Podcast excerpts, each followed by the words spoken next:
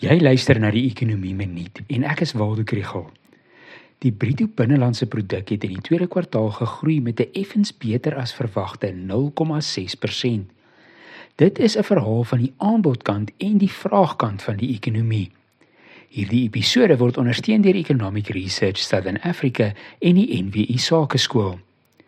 Aan die aanbodkant is die groei die gevolg van die vermindering van die impak van beerdkrag deur meer privaat opwekking van elektrisiteit, sowel as Eskom se verminderde instandhouding en die gebruik van meer diesel om elektrisiteit te voorsien in die tweede kwartaal. Die sektor bydraes tot groei was 2,2% in vervaardiging, 0,7% van finansies, eiendom en sakedienste 1,3% van mynbou en 4,2% van landbou.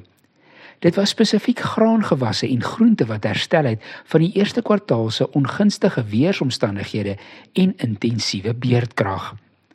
Aan die vraagkant word die besteding van BBP verklaar deur rentekoerse en internasionale groei vooruitsigte. In die tweede kwartaal het hoë inflasie en rentekoerse werklik 'n tol op huishoudings geëis en hulle besteding het met 0,3% afgeneem.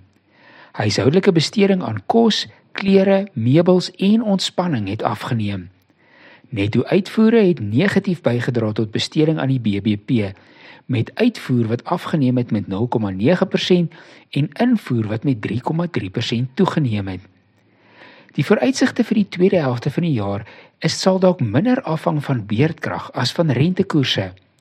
Johan Els van Old Mutual skat dat die ekonomie 25% minder Eskom elektrisiteit gebruik as in die jaar 2000 om dieselfde BBP te produseer. Aan die rentekoerse kant is daar dalk hoop dat verbruikersbesteding 'n drywer van groei kan wees na mate inflasie daal en die Reserwebank die repo koers onveranderd laat. Alles saam is dit 'n klein bietjie goeie nuus.